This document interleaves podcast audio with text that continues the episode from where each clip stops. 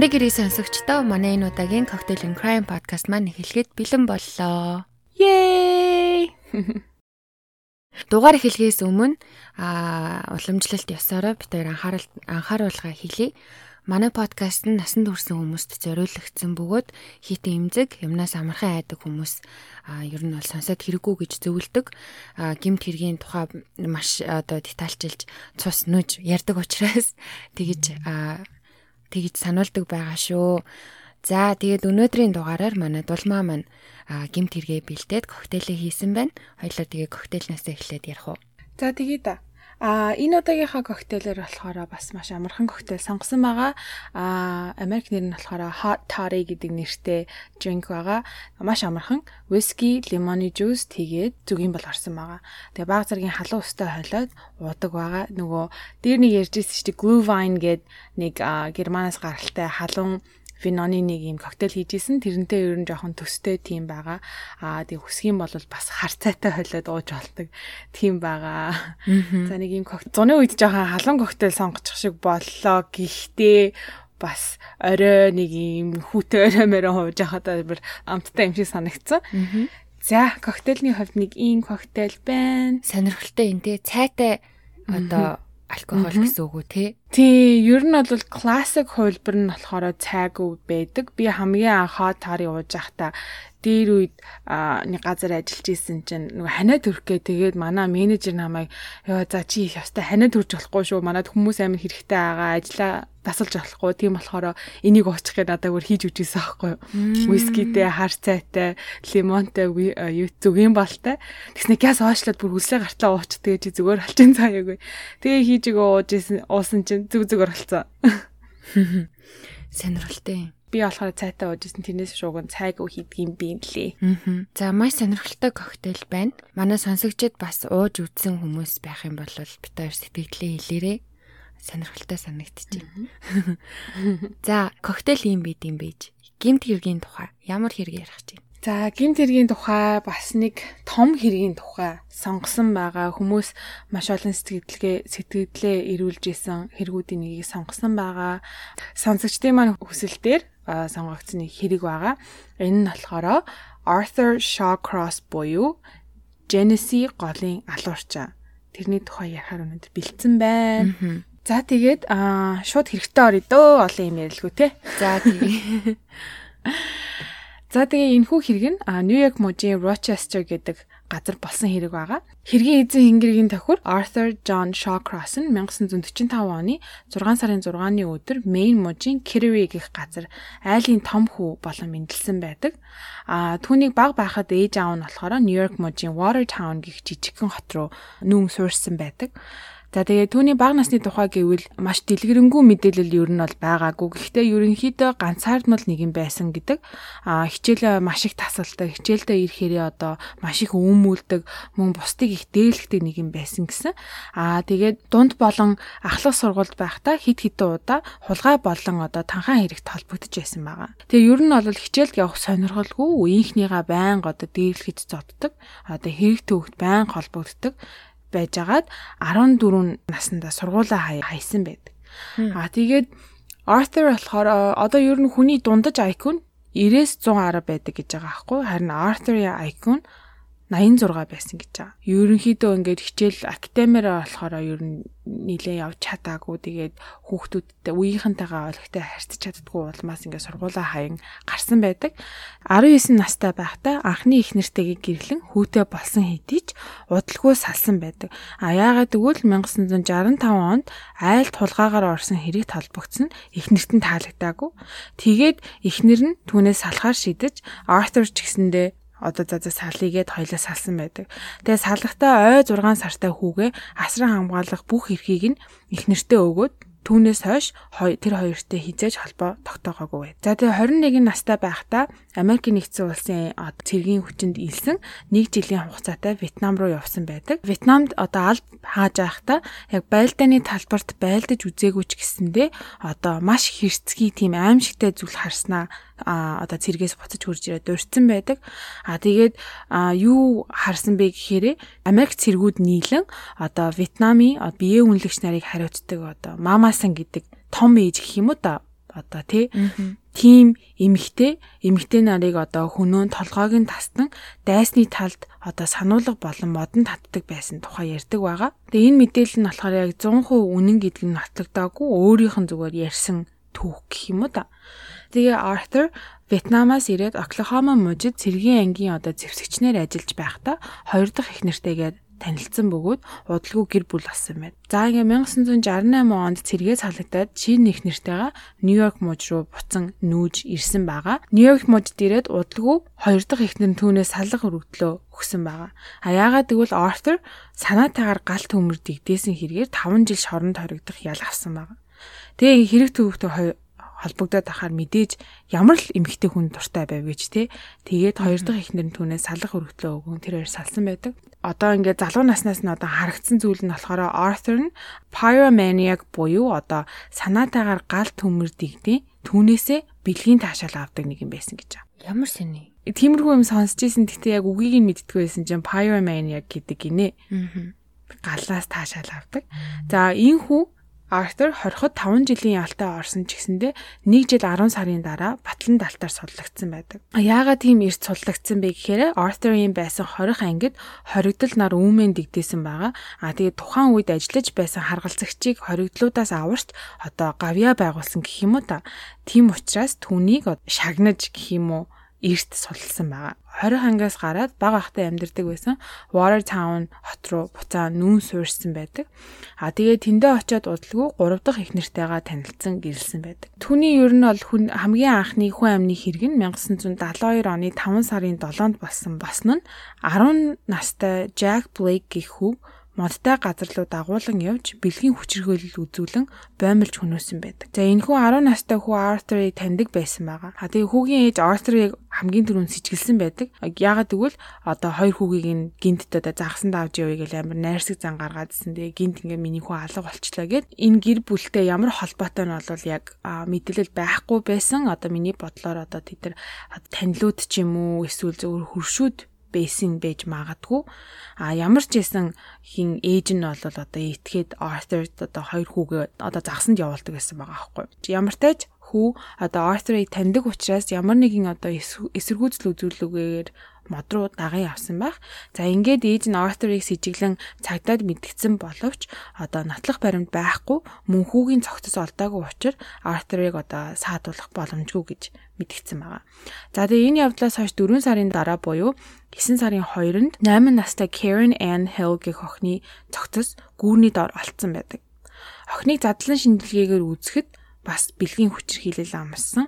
Бөгөөд түүний хоолойны гүнд одоо шавар навч гих мэд зүйлс байсныг тогтоосон байгаа. Бас түүнийг боомлон хөнөөсөн байдаг. За тэгээд сарын дараа 1972 оны 10 сард Arthur-ыг одоо хэрэг болох тухайн үед гүүрэн дээр Karen охинтой явж байхыг харсан гэрч мэдүүлэг өгч Arthur сэржигтнэр татагдан байцаагтаж эхэлсэн байна. За тэгээ охины цогцос олцсон тухайн хэсэг газар нь болохоор Arthur-ийн одоо загасчилдаг газар байсан гэж байгаа байхгүй байнга очиж. Тэгээ Arthur-ыг байцаасан мөрдөгч нь түүний таньдаг мөрдөгч байсан гэж байгаа. Аа тэгээд одоо баг аргадаа чи үнэ хэлчихээ тэгвэл чамд баг одоо баг ял оноо штэ гэсний улмаас Arthur 10 настай Jack болон 8 настай Karen хоёрыг хүчрхийлэн хөнөөснөө илчилсэн байдаг. А гэхдээ яг ингээд тэр 10 настай Jack-ийн хүүг яг алсан гэж хэлээгүй алсан ч гэж магадгүй алаагүй ч гэж магадгүй гэж хэлсэн гэж байгаа байхгүй. Гэхдээ Arthur одоо өөрөө хэлэхдээ зөвхөн 8 настай Karen охины хэрэгээр намайг шийдгээ. Тэгвэл би Jack Hook хаанагааг нь хэлье. Гэхдээ би алсан ч гэж магадгүй алаагүй ч гэж магадгүй над дээр энэ хэргийг тохож болохгүй гэж одоо ярилцсан гэж байгаа байхгүй.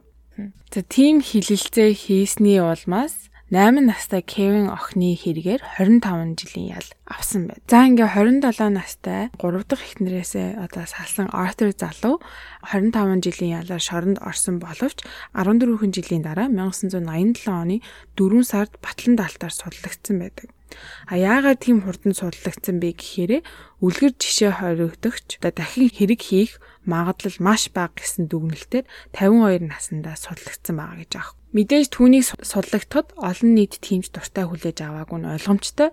Угаасаа насан туршаагүй хүүхдүүдийг бэлгийн хүчирхийлэлд оруулаа хөнөөсөн гэхээр ямар л ойлгохтой хүлээж авах гэж тий.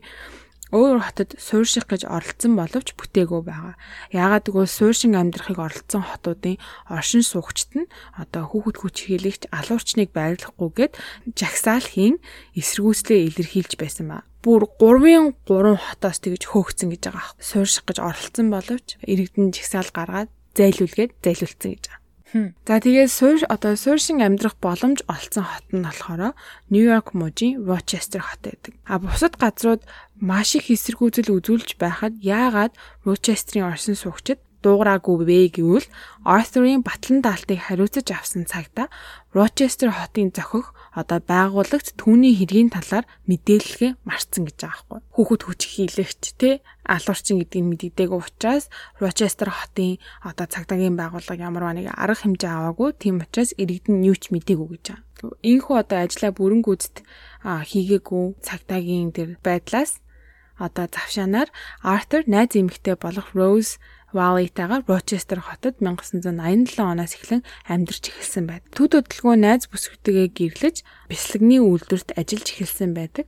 Тэгээ чөлөө цагаараа Genesis голд загасчилдаг байсан гэж байна. За ингээд шинэ газар шинэ амьдралаа одоо амар тайван эхлэв гэтэл үгүй. Их нэртэй хэрнээ Клара гих нууц амрагтай.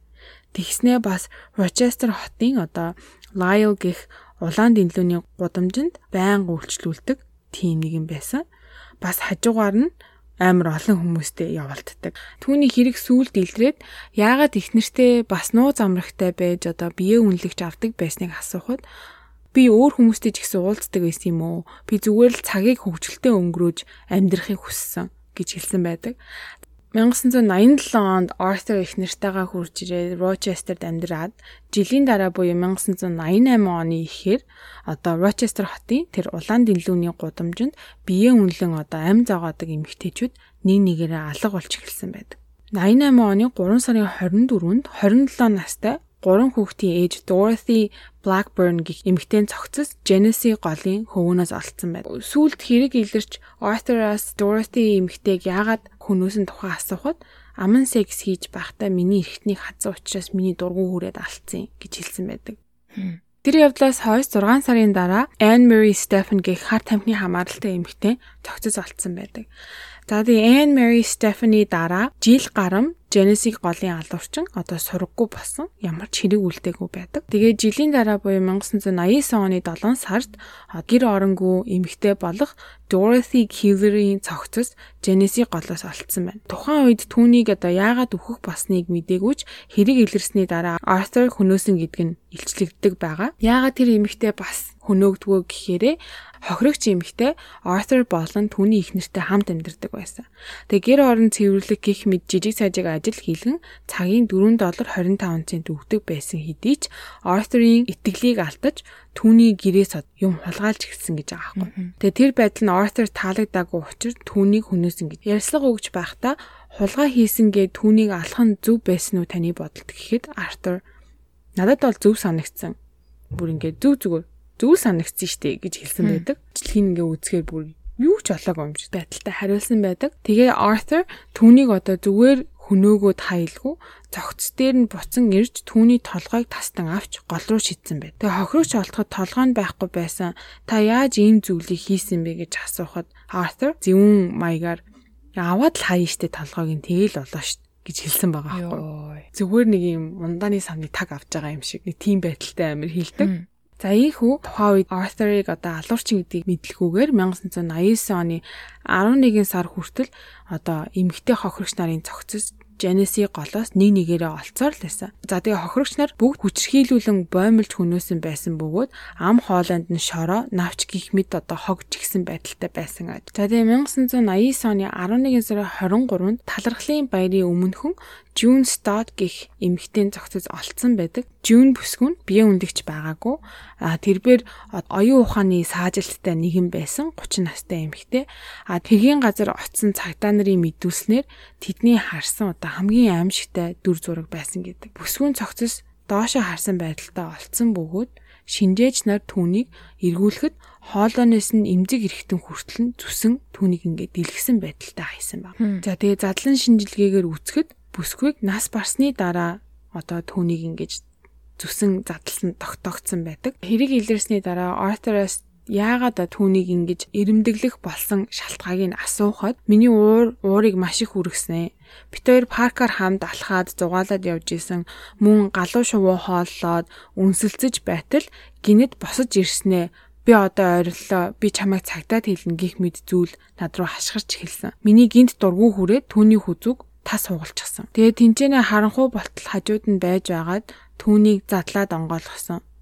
Них гүнзгий зүсээгүүлдэ. Гэхдээ яагаад тэгснээ би мэдэхгүй байна гэж хариулсан байгаа. За ингээ Arthur баригдахгүй явсаар мэдээж илэрч байгаа хохирогч болгоны одоо цогцос бүр ингээд одоо хүндрээд штэ тий. Тэгэнгუთ Rochester хотын цагдаагийн байгууллага ерөөсөө одоо холбооны мөрдөд товчоогоос тусламж хүсьегээд FBI-аас тусламж хүсэн мэрэгчлэтнүүд ирсэн байдаг. За тэгээд холбооны мөрдөх товчооны мэрэгчлүүдний тогтоосноор алуурчин бол биеийн үнэлэгч нарыг байнга үйлчлүүлэгч. Яагаад гэвэл гадуур угаасаа аимшигтай алга болж байгааг хүн болгон мэдж байгаа. А тэгсэн мөртлөө энэ алга болсоор тийм учраас энэ хүмүүсийг таньдаг, мэддэг, итгэдэг хүн болохоор ийм юм болж байна гэдгийг тогтоодог байгаа. Бас ингээд цагдаа нарын нэг алдсан зүйл нь болохоор одоо нууц ажилтнуудыг энгийн иргэн болгон явуулсан байгаа. Тэгсэн хэдий ч хэргийн талаар хамаагүй ярьж исэн гэж байгаа хгүй тэр цагдаагийн ажилтнууд. Мөн гудамжны буланд байдаг Dunkin Donuts гих одоо цагдаа нарт одоо үнгүү донот болон кофе өгдөг тийм шоп байдаг. Тэр шоп дээр Arthur байнга очиж одоо кофе авдаг байсан гэж байгаа. Тэгээ орж гарахтаа дандаа цагдаа нартай таардаг. А тэгээ тэр цагдаа нар нь хоорондоо нөгөө Genesis голын алуурчны талаар одоо жавхал мэдээллийн талаар ярьж байсныг Arthur сонссон байгаа хгүй. Тэгээ сүүлд нөгөө хэрэг илэрсний дараа ярилцлага өгж явахдаа өөрөө хэлсэн байдаг. Тэр цагдаа нарыг хараад үнэхээр миний инээд хүрсэн. Тэр нууц цагдаа нь бүр харвас шин цэвэрхэн гутал хувцастай явж байсан. Тэгээд бүр надтай алгуудын талаар яриадсан. Аа тийм амир цэвэрхэн хувцалсан мундаг хүмүүс миний очдог газар бие үнэлж аваад явдаггүй л ахгүй юу. Угаасаа харваас нууц ажилтан гэдг нь мэдчихсэн гэдгийг нь дурдан ярьж бүр шоолон инээсэн байдаг тэр бичлэгэн дээрээ. За тэгээ иймэрхүү байдлаар Arthur ер нь бол цагдаа нарын одоо хамран дор алга үйлцэл байсан байгаа. За тэгээд 1989 оны 12 сарын 17-нд June Cicero гих одоо тухайн одоо тэр улаан дэлгүүний гудамжинд нилээн алдартай нэгэн биеийн үнэлэгч ор сураггүй алга болсон байдаг. Ойр хавийнхныхаа дунд ер нь бол тэр гудамжны хатагтай хамгийн ааштай одоо хамгийн айхтар нэгэн гэгддэг нэгэн биеийн үнэлэгч байсан June Cicero. Тэгээ тэр эмэгтэй нь алга болсон болохт нь одоо бусад биеийн үнэлэгчнэр бүр үнэхээр бүр цацралд орсон гэж байгаа. June Cicero Arthur аваа явж хүчирхийлэн бомилж хөнөөсөн байгаа. Ярилцлагандаа дараа нь өөрөө хэлэхдээ би түүнийг зүүн гараараа хөнөөсөн. Амархан штэ яг энэ ч дараа л гэ бүр өөрөө ингэж бүр одоо ярьж төсөөлж үзүүлсэн байдаг. Тэгээ түүний хөнөөснийхаа дараа машинаар явж байгаад гүүрний дээр ирээд хаалгаа онгоолгол өшөглөөд хайчихсан. Гол руу өнгөрөөл орсон гэж зүгээр бүр юу ч олоогүй юм шиг ярьдаг заяа. June Cicero алга болоо болсны дараа удалгүй цагтаа нар нисдэг тэргээр өөр нэгэн эмэгтэйг хайгаад одоо нисчээсэн гэж. Тэгэж явж байгаад нэг гүүрний доор хэвтэж байгаа хүний бие харагдсан бөгөөд тэр гүүрний яг дээр нь одоо машины хаалга онгорхоо наана нэг эрэхтэй шээгээ зогсож байсан харагдсан аа. Нистэг тэрэг дээгүүр нисхийг анзаарсан эрэхтэй машиндээ суугаад явсан байгаа. За тэгээд одоо нистэг тэрэгтэйгаа цагтаа хараад энэ ямар с ิจ гтэй юм бэ? Цогцос хөвтөж жаад энэ яг дээр нэг залуу ингээ зогсож илээ ингээ харангуйтаа яваад өглөөгээд цагтаа нарт мэдэгдээд Arthur Shawcross-ыг саатуулан байцаж эхэлсэн байгаа манайхан сандживэл одоо цуврал алуурчдын бас нэг одоо шинж тэмдэг гэх юм уу да тэр нь болохоор хэрэг болсон газар эсвэл цогц дээр буцан ирж одоо тухайн үеэ бодон таашаал авдаг байгаа. Тэгээ тухайн үед одоо Arthur June гэдэг эмэгтэйг хайсан газараа буцаж хурж ирж тухайн үеэ бодож исэн ч юм уу магадгүй амар. За тэгээд мэдээж байцаалт эхлэхэд түүний одоо тий өмнөх амьдрал түүний хувийн хэрэг гарч ирнэ. За тэгээ бага насны хүүхдийг хүчээр хилэн хүнөөсөн тэр хэрэгээр 25 жилийн ял авч исэн гэдг нь илэрдэг. А гисэн хэдий ч одоо мөрдөн байцаагч нар Arthur-ыг тэгээ Genesis голын алуурчин гэдэгт бол бас 100% итгэлтэй байгаагүй. А яагаад гэвэл цовруул алуурчид өөрсдийн гэсэн хохирогчийн төрөлтэй байдаг тий. Тэгээ тэр төрлөө ингээ гинт юу нь бол сольдөггүй. Бага насны хүүхдийг хүчрхийлэн хөнөн шоронд орсон хэрнээ бутаж гарч ирэн гутаа хохирогч нараа бүр бараг шал өөр болгоод насанд хүрсэн эмэгтэйнэр болгоно гэдэг нь болохоор ховор тохиолдол учраас цагдаа нар бол Arthur-ыг мөн гэдэгт бол 100% итгэлтэй бус байсан гэж.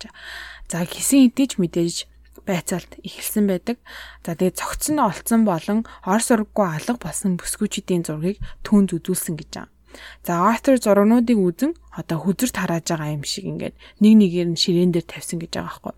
Эцэст нь тэр хэлэхдээ эдгээр бүсгүүчүүдийг хөнөөсөн гэдгээ өөрөө илчилсэн байна. Ярилцлаганд түүнээс та яагаад ингээ хэрэгээ илчлэх босныг асуухад тэг 14, 15, 16 цаг байцаагтаад би амар ядарсан гэж хэлсэн баг. За тэгээ ийхүү Arthur John Shawcross 1990 оны 1 сарын 5-нд баригтан саатуулагдсан баг.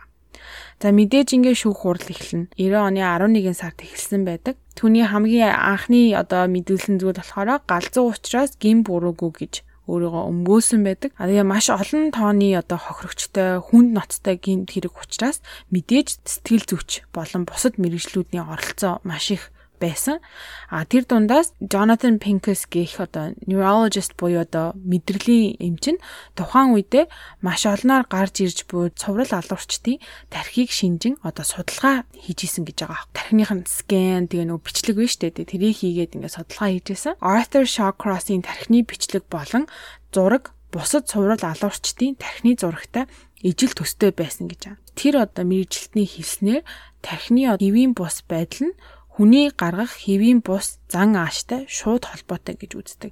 Тийм учраас энэ Arthur Shawcross гэх хүн тархины гимтэлтэй учраас энэ хэргийг одоо үйлцэн. За тэгээ мөн энэ хэрэг дээр ажилласан Yale их сургуулийн одгил мэдрэлийн эмч тийм гүн гүнзгий шинжилгээ хийсэн байдаг. Тэгээ түүний бүр баг нас одоо үтсэн тулсан амьдралын талаар детальчилж одоо асууж шинтсэн байгаа. За тэгээ Arthur өөрөө хэлэхдээ ээж нь түүнийг хүчрхийлдэг байсан тухайд урддаг. Бага бахт нь түүнийг өгзөрүүн юм жихэж таашаал авдаг байсан гэж байгаа. Мөн ээж нь бүр төрсэн ээж нь түүнд аман секс хийдэг байсан. Бас оролддог байсан тухай ярьдаг. Тэгээ тийм учраас 14 настайдаа гэрээсээ зугатааснаа хэлдэг байгаа. За тэгээ тэр сэтгэл мэдрэлийн эм чин Arthur-ыг мөн одоо ховстож яриулсан байдаг бага насныхан тухай. Видеоны доор линкийг нь тавьчих. Тэр бичлэг дээрээ Arthur ингээ сууж ийснэ бэлэг эрэхтнээ одоо бариад оролдож эхэлдэг байхгүй. Тэгээд эмч түүнээс чи юу хийж байгаа гэж асуухад ээж намайг оролдож байна гэж хэлсэн байна. Тэгээд дараа нь өвдөж ийн жага эмчэнд гисэн чинь чи өөрөө юу гэж хэлж ин гэсэн чи би би түнд болооч гэж хэлж ийн гэд уйлж эхэлсэн байдаг тэр бичлэгэн дээр.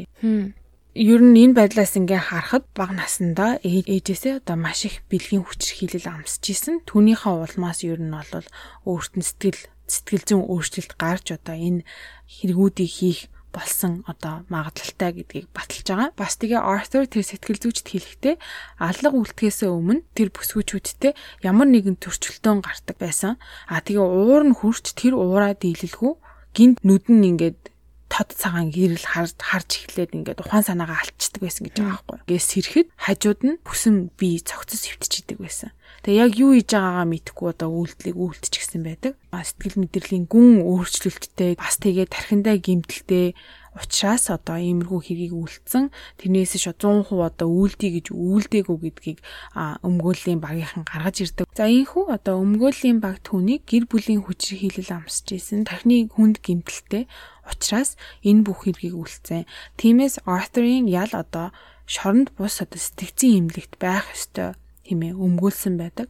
Тэгээ ийхүү маш олон зүйлийг шинжиж одоо эргцүүлсэний эцэст Arthur John Shawcross-ыг ивэрүүл сав саруул Учираас 11 удаагийн хүн амны хэрэгт буруутай гэж үзэн 250 жил хоригдох ялыг оноосон байдаг.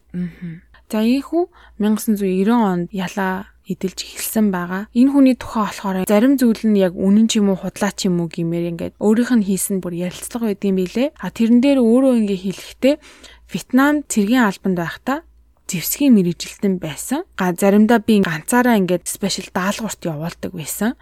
Тэгээ би нэг удаа ой модонд явж агаад хоёр эмэгтэйдэд тааралтаа тэр хоёр хоёулаа автомат буу барьчихсан байсан. Тэгээ би мачаатэ гэдэг нөгөө том утга байдсан шүү дээ тий.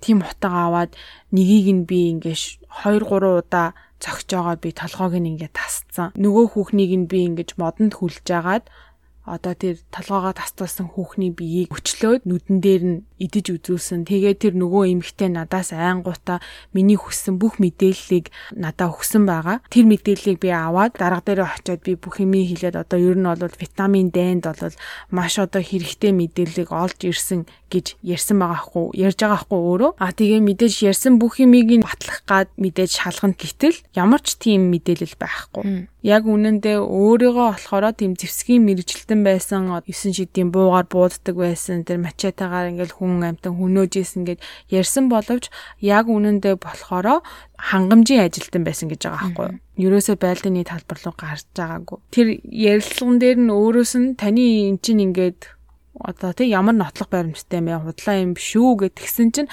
та нар өөрсдөө итгэх юмдаа л итэг чиний итгэхгүй юм итгэх юм миний асуудал биш гэж аа. Бас нэг надад сонирхолтой санагдсан юм нь болохоор өөрөө сэтгэл мэдрэлийн эмчэд хэлэхдээ би энэ бүсгүүчүүдийг хөнөөхөөс өмнө юм тод цагаан гэрэл хараад ерөөсөө юу хийж байгаагаа мдээгүй анзаараагүй Тэгээ гинт би сэрхэд энэ хүүхнүүд өгцөн ингээд нас орцсон байсан гэд хэлсэн гэж байгаа тий. А гэхдээ тэр бичлэгийг нь үдчих яхад болохоор өөрөө зарим эмгтээчүүдийг яаж боомлж алсан тухайга бүр ингэж детальчилж ярьдаг. Яг энэ чанга байран гуйт угаасаа амар хурдан өвчт юм дөө За өсрөөл 4 минут болдог гэдэг жаахгүй. Тэгээ та тэр хүмүүсийг яаж одоо нас орсон гэдгийг нь мэдх юм, ухаан алдсан байх юм уу, нас орсон гэдгийг нь яаж мэдж байгаа юм бэ гэхээр цаанаа өөр эдийн чи зүгээр мэддэг л ахгүй юу. Тэгэхээр одоо бас яг хөө сэтгэл санааны өөрчлөлттэй, тархины гэмтэлтэй ч гэсэндээ яг энэ бүсгүүчүүдийг хөнөөхөөсөө өмнө бол ухаан санаагаа алдсан гэдэг нь бол худлаа юм шиг надад санагдсан. Тийм байх тий. Бас нэг шинж тэмдэг нь болохоор урд урдныг хэрэгүүдээр ярьж исэн шиг ихэнх цуврал алуурчид классик шинжүүд нь гарч ирж шít. Тархины гэмтэлтэй бага насндаа амссан хүч хийллээс болоод сэтгэл санааны өөрчлөлттэй бас дээрэс нь галд амар татагддаг те гал төмөр ээж нь одоо бага ахт нь бэлгийн хүчээр хийлэл амсуулдаг байсан тухай болохоро ээж нь 100% үгээсгдэг. А тэгээ Артер өөрөө хэлэхдээ одоо тэр ярилцсан дээр асууж байгаа байхгүй юу? Ээж чинь ингээд үгээсгээд байна. Энийг одоо яаж натлах вэ гэсэн чинь Артер хэлэхдээ тийм юм хийчээд хийсэн гэд хинч хэлэхгүй штэ ойлгомжтой. Тэгвэл таныг одоо тийм хүчрхийл амсан гэдэг эмнэлгийн одоо бичих юм уу натлах баримт юм ямарваа нэг юм байхгүй та тэрийг одоо үүнийг одоо юу гэж тайлбарлах вэ гэхэд Артер ингээд жоохон уурлаад ундууцаад бэлгийн хүчрхийлэл үзүүлчихэд хүүхдээ эмнэлэгт дагуулад явж явна гэж одоо юу.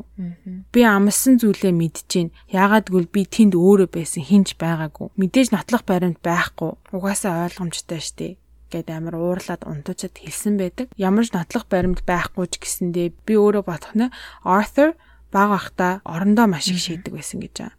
Тэр чинь болохоор ер нь бол трама амссан, тэг хүчрхийлэл амссан ямарваа нэгэн сэтгэл зүйн одоо тайван бус байдалтай хүүхдүүдийн нэг шинж тэмдэг штэ. Аа Тийм болохоор ээж нь бол хүчрхийлдэг нь үнэн байсан байх гэж би ер нь дүгнэлтэнд хүрсэн.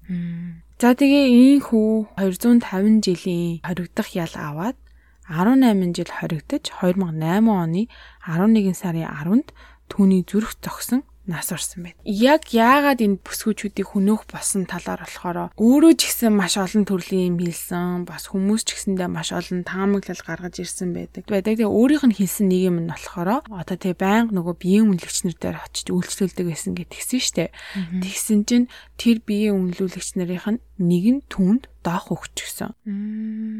Тэгээд уурандаа одоо унтсан бүх бүсгүүчүүдээ одоо алж эхэлсэн гэж өөрөө хэлсэн байгаа. Гэхдээ тэр тухайгаа ерөөсөө өмгөөлөгч юм уу цагдаа нарт ерөөсөө мэдүүлээгүй. Өөрөө зүгээр ярьсан. Тэгээ дараа нь ингээд олон жил хоригдсны дараа ярилцлага өгч байхдаа үнэн ч юм уу худлаа ч юм уу мэддэхгүй те нэг юм хүмүүсээс нэг реакц авах гэсэн ч юм уу тэр нь бол яг тийм нотлох баримт байхгүй доох авсан гэдг нь шоронд орохт нь уул нь мэдэгдчмээр энэ төр чинь уул нь харин тийм энэ төр хийдэг үстэй. Энэ хүний ер нь бол хэрэгт маш олон цагдаа нар мэрэгчлэтнүүд жоохон ажиллаа хойрог хийсэн юм шиг харагдсан. Тийм учраас бас нэг ажилтан таарад хийгүү ч юм уу мэдэхгүй. Гэхдээ энэний талаар болохоор яг юм 100% бол мэдээлэл авахгүй зөвхөн өөрийнх нь хэлсэн л юм би. Үнэн худлаа нь мэдэгдэхгүй тий.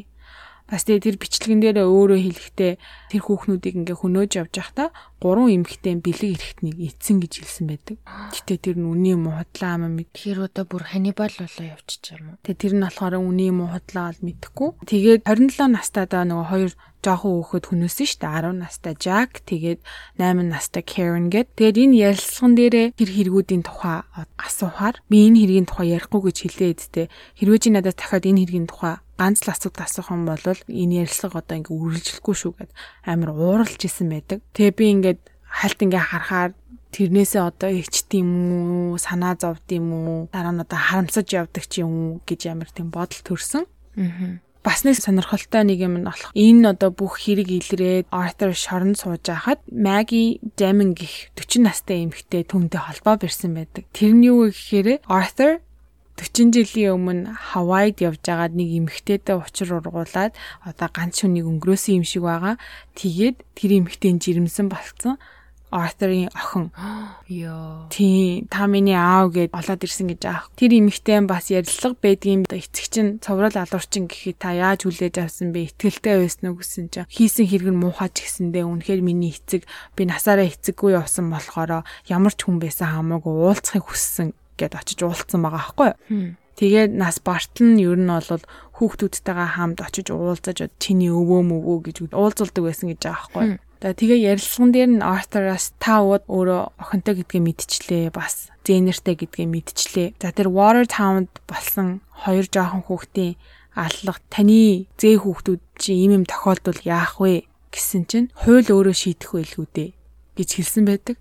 Гэхдээ танд ингээд ямарваа нэгэн уурлах, харамсах мэдрэмж төрөхгүй юу? Та тэр одоо алуурчин яаж одоо шийтгэх ёстой гэж бодож ийн гэхээрээ гэсэн чинь мэдээж би уурлна, мэдээж би юм мэдрэн гэдэг жаахгүй. Тэгсэн чинь нөгөө ярилцлага авч байгаа хүн нь тэгвэл та тэр хөнөөсөн хүмүүсийнхаа гэр бүлийн тухай бодож үзсэн үү гэхэд би хэлсэн штэ миний дотор нэг юм нэг л юм өөр би тэр хүмүүсийн тухай бодож харамсдаггүй би хийсэн зүйлийнхаа ганц чимэн дээр би харамсдаггүй Гэхдээ би хүүхдүүдтэй хайртай гэж хэлсэн байна. Йоо, ямар аим. За нэг ийм хэрэг байна. Би энэ хэргийн тухай ерөөсөө ер нь бол үнэндээ мэдж байгаагүй, сонсож байгаагүй байна. Яг нь нэрийг сонсч исэн. Гэхдээ ерөөсөө хэргийг нь ерөөсөө ингэж хальтч гисэн ерөөсөө сонсож байгаагүй.